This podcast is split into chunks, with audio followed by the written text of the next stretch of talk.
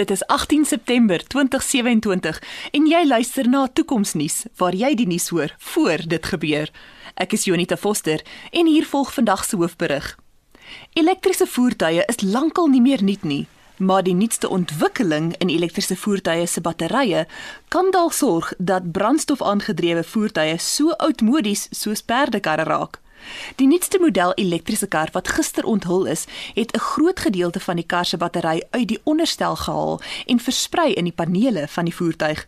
Die nuwe materiale maak die hele voertuig ligter as tradisionele battery-aangedrewe voertuie.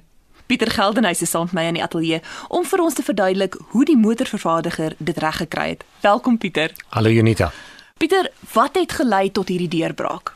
Hierdie deurbraak het 'n baie lang geskiedenis. Dit het begin op 4 Junie 2012 toe die Higgs boson partikel of die Higgs boson vektor geïdentifiseer is. Nou, ons moet besef dat die Higgs boson vektor massa gee aan alles rondom ons. As ons na ingenieurswerke in die verlede gaan kyk, dan het ons prototipes gebou, prototipes van vliegtuie. Maar omdat ons die kragte van meganika baie goed verstaan, kan ons deesdae 'n hele vliegtuig moduleer op 'n rekenaar.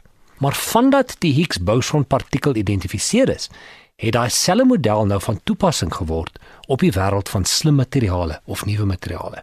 En waar ons in die verlede baie prototipes van nuwe materiale kon skep, kan ons nou nuwe materiale skep op rekenaar omdat ons die wiskunde van die subatomiese wêreld soveel meer kan verstaan. En wat ons nou hieruit sien, is dat ons panele kan skep wat taamlik lig is, maar wat ook elektriese of 'n batterylading kan hou. En dit is wat hierdie voertuigvervaardiger gedoen het. Hy het slim materiale gebruik om die energie van die voertuig te help versprei in die panele. Dit maak die voertuig ligter. Jy het minder batterye aan die onderkant van die voertuig nodig en dit beteken dat die voertuig baie verder kan ry en baie meer energie-effektief kan wees.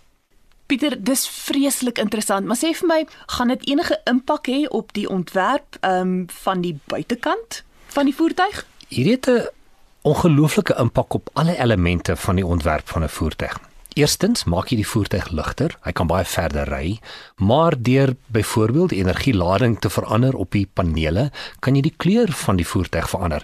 Dit gaan nogal baie interessant wees as jy die voertuig gaan registreer en jy sê watter kleur is die voertuig? en jy sê wel afhangende van wat die batterylading op daardie stadium is.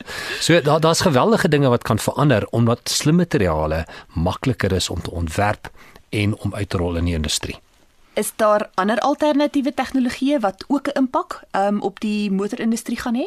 Daar's baie tegnologieë wat juist daarop fokus om energie en elektrisiteit gebruik om voertuie aan te dryf.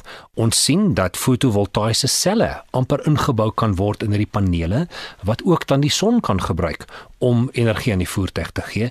En ons sien scenario's in sekere oosterse lande waar hulle paaie bou wat magnetisme in het. So magnetiese spoele wat binne in die paaie ingebou word en soos jou voertuig daaroor ry, word jou voertuig se battery gelaai.